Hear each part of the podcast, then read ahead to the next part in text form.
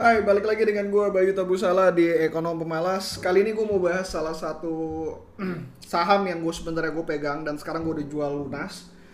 Uh, ada kemungkinan ada potensially upside tapi uh, up dan enough gue harus uh, apa kelola portofolio dengan benar sedikit jadi gue udah bilang gue pernah bikin kesalahan 2 tahun dan gue sekarang kayak mau perbaiki juga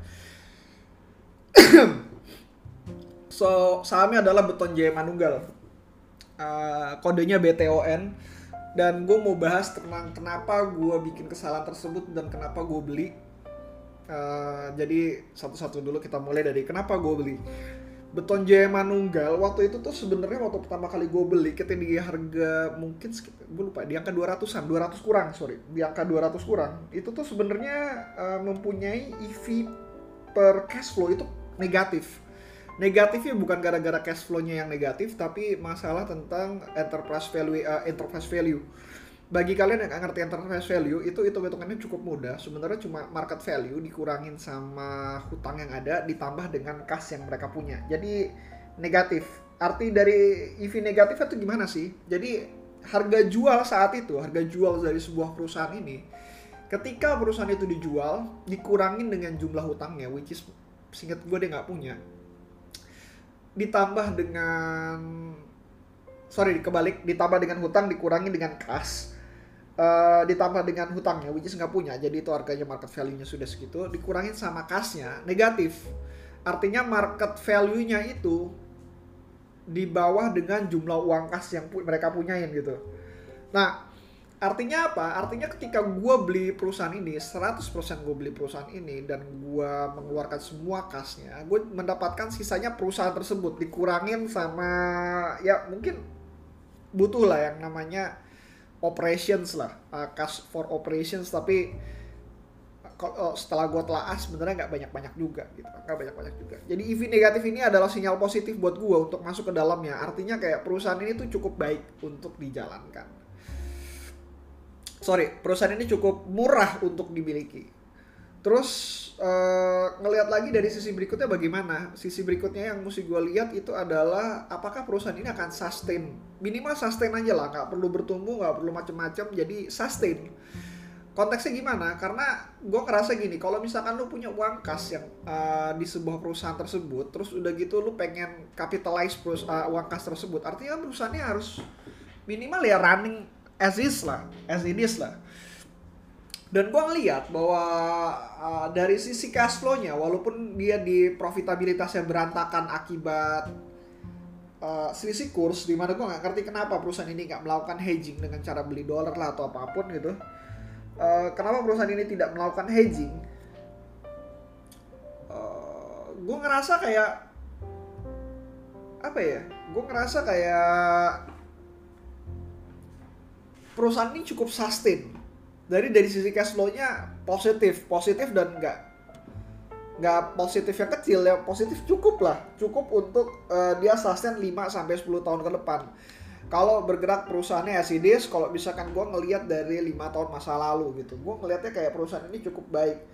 Problem dari perusahaan Beton Jaya Manunggal itu sendiri sebenarnya adalah dari uh, barang produksinya which is supply dari produksi cuma ada satu uh, supply untuk memproduksinya itu dari Gunawan Dian Jaya Steel. Waktu itu tuh ingat gue masih belum di merge gitu. Uh, masih belum di merge sekarang udah di merge kalau nggak salah. Uh, ya. Yeah. uh, uh, yang menyebabkan gue ngerasa kayak mereka benar-benar terpaku kepada satu produksi tersebut dan produksi ini tuh uh, sorry supplier ini tuh sebenarnya masih terafiliasi dengan perusahaan tersebut. Jadi masih satu masih satu kepemilikan lah satu kepemilikan. Gua yang gue takutin kalau misalkan perusahaan ini jalan jal, jalannya jelek itu adalah transfer pricing. Artinya mereka bikin rugi di satu perusahaan bikin untung di perusahaan lain lain. Which is kalau misalkan gue ngelihat kayaknya Gunawan dia Jaya waktu itu gak bagus-bagus amat sih gitu. Bener-bener gak bagus-bagus banget. Jadi kalau misalnya gue bandingin antara Gunawan dia Jaya Steel sama si Beton Jaya Manunggal gue mendingan pegang beton lah uh, resikonya rendah, uh, resikonya rendah, potensially upside-nya cukup tinggi, uh, cukup tinggi ya, nggak tinggi-tinggi amat. Artinya kayak kalau bisa lo masuk ke sana ya jaminan untung tanda kutip tapi ya nggak banyak banyak amat tapi untung tapi nggak banyak itu aja gitu uh, gua gua ngeliat ada offset di situ. Uh, jeleknya lagi yang berikutnya apa karena sahamnya itu nggak liquid uh, bukan saham yang benar-benar uh, mungkin gua kira bukan third lagi kayaknya saham-saham yang nggak dipandang nggak dipandang bahkan sama investor retail juga gitu. Ya sudah gue masuk ke dalam masuk ke dalam situ. Uh, liquid dan segala macam gue masuk kurang lebih sekitar uh, hampir 25 sampai 30 persen dari portofolio gue dan uh, kejadiannya waktu itu tahun 2018 inget gue ya. Uh, 2018 ketika masuk di 2019 Beton Jaya Manunggal akhirnya masuk ke angka 333 sih gue oke uh, dan ketika itu terjadi koreksi di mana kok misalkan gue udah gue udah bilang sama kalian deh kalau misalkan gue menggunakan sedikit namanya sebutnya trailing stop loss. Kalau misalkan sudah turun 15% dari titik tertingginya ya ya keluar apa pun alasannya itu. Dan again yang jadi masalah bukan jadi masalah yang bikin gue bikin kesalahan waktu itu adalah gue menganggap bahwa story dari Beton Jaya Manunggal ini Beton Jaya Manunggal ini berubah ketika tahun 2019 dari perusahaan yang tadinya Sigarbat very cheap, very safe dan jadi perusahaan yang menuju ke small growth. Alasannya apa? Karena pertama gue ngelihat baca berita. Anjir sih itu itu bodoh banget sih gue. Gue baca berita mengatakan bahwa beton lokal Indonesia mulai berjaya karena permasalahan beton dari China itu ada stop apa uh, stop importirnya uh, ada nyetop lah kita uh, Indonesia lagi nyetop import beton dari luar negeri gitu. Nah, ketika penyetopan tersebut, story dari perusahaan ini tiba-tiba berubah di kepala gue. Di kepala gue, storynya berubah menjadi perusahaan yang mulai profit kalau lo ngeliatin laporan keuangannya, literally lah, itu susah banget untuk nebak profit atau enggak. Alasannya simple, karena adanya yang namanya uh, apa? Ada yang namanya uh, selisih selisih nilai kurs. Selisih nilai kurs itu karena dia punyanya tinggi sekali uh, dalam bentuk US dollar atau dalam bentuk rupiah. Jadi dia dia dia pencatatannya itu menggunakan rupiah, cuman transaksinya menggunakan dolar, terus di Indonesia itu dia menggunakan rupiah sebagai transaksinya, uh, ya udahlah gitu. Fluktuasinya tinggi sekali lah, fluktuasinya tinggi sekali. Jadi bukan hedging yang gue maksud dengan cara lo beli dolarnya kayak gila-gilaan juga gitu. Ya lo hedging yang bener lah gitu. Entah lo beli apa forex atau apa pun. Jadi sehingga fluktuasinya tuh kayak uh, fluktuasinya tuh terjaga lah gitu. Ini fluktuasinya benar-benar nggak dijagain sama sekali fluktuasi dari harga forex tersebut. Itu kan resiko tinggi ya. Udah sih lu jualannya pakai rupiah tapi transaksi pakai dolar gitu. Itu lumayan bikin gua nggak bisa uh, apa ya nggak bisa bingung-bingung mikirinnya gitu. Walaupun dari sisi cash flow-nya it's always positive sisi cash flow-nya apa, selalu positif gitu. Yang yang jadi masalah adalah di selisih kursi tersebut gitu. Nah, eh, kelanjutannya bagaimana? Kelanjutannya adalah ketika sudah turun 15%, jadi waktu itu sekitar harganya 280-an, bukan gua harus keluar pada saat itu. Gua harus keluar. Alasannya simple. Uh, gue bikin aturan tambahan ketika dalam satu hari uh, only a days dan gue sebenarnya gue nggak pernah nggak pernah banget gitu. Jadi ini masih dalam tahap percobaan hingga sekarang. Jadi kalau misalkan sebuah saham sudah naik berapapun itu dan udah jatuh tiba-tiba 10% a days, ya sudah lo keluar lah gitu. Perusahaan itu tuh kayak apalagi perusahaannya nggak liquid ya. Perusahaan itu tuh kayak udah sinyal-sinyal mau jatuh lah. Walaupun kenyataannya gue nggak sih. Gue masih pakai yang 15% tersebut lah. Jadi udah turun uh, 285 harusnya kan 333 15 persennya ya turun jadi kayak 285 something lah. Gue harusnya keluar dan ternyata gue nggak keluar juga. Itu yang pertama. Yang kedua adalah masalah dengan uh, likuiditasnya.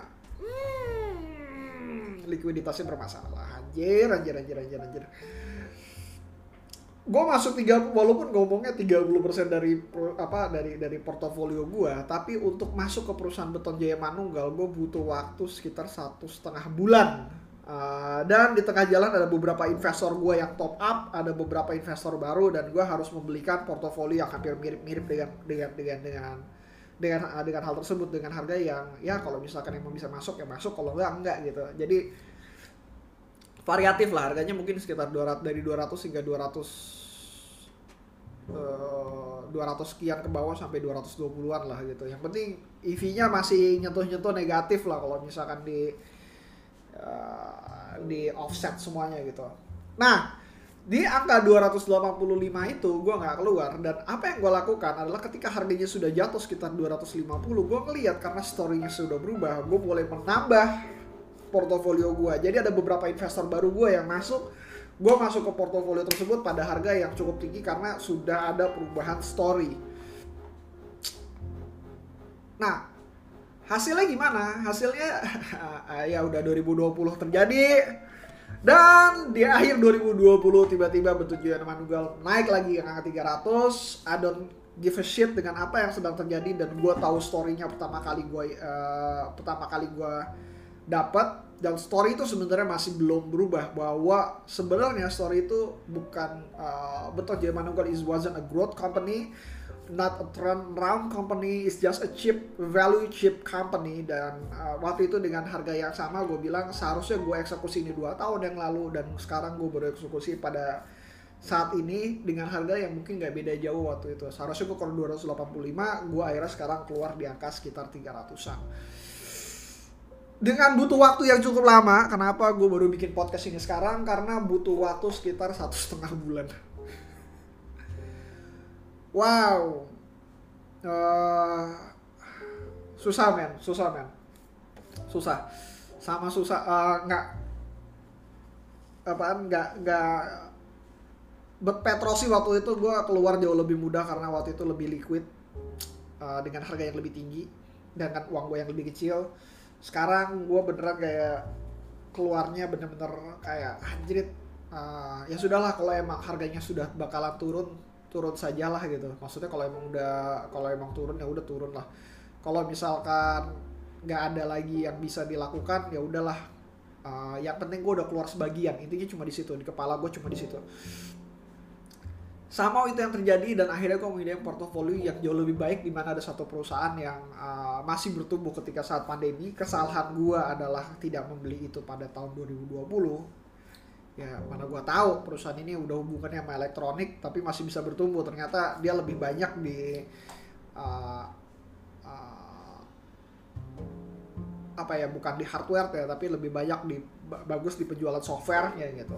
Ya uh, shit happens tapi gue harus uh, ngambil langkah ini dan gue ngerasa kayak ini adalah story cukup bagus ini adalah growth company. Next time uh, gue belum belum bisa kayak Damani ataupun Hey Hey There is Dave ataupun dengan si Stephen Graham mengenai kolaboratif investing di mana gue bakalan belak belakan ngasih tahu kenapa gue investasi pada satu perusahaan dan berapa banyak yang gue masukin tapi gue bakal cerita sama kalian kapan gue masuk uh, sorry uh, apa yang gue masukin clue-nya terus uh, gue keluar gara-gara kenapa dan bagaimana dengan story-nya dan ini adalah salah satunya kenapa di Beton Jaya Manunggal tersebut terjadi. Uh, gue bakalan masuk lagi nanti untuk perusahaan berikutnya adalah perusahaan properti. Ada lagi juga yang mesti gue uh, apa? Satu perusahaan yang sebenarnya gue menurut gue harusnya gue keluar. Ini lebih happening lagi ya. Gue keluar harusnya bulan lalu, tapi gue menampikan hal tersebut ya sudahlah akhirnya gue nyangkut lagi gitu gue nyangkut lagi ada momentary ketika dalam satu hari itu terjadi uh, hal tersebut dan ya balik lagi lah ketika lu untung bener-bener ego lu kayak main gitu dan gue harus bener-bener beresin dengan masalah ego gue sendiri um, tahun ini kita bakalan ngomongnya ngomong tentang redemption uh, soal redemptionnya gue dengan kesalahan-kesalahan gue masa lalu dan bagaimana caranya gue bisa uh, mendapatkan keuntungan yang jauh lebih baik mendapatkan keuntungan yang jauh lebih baik dengan perusahaan yang lebih dengan valuations yang lebih baik lagi. Oke okay, see you again next time. Uh, kalau ada pertanyaan masuk ke DM gue aja di Instagram Bayu Tabusala bye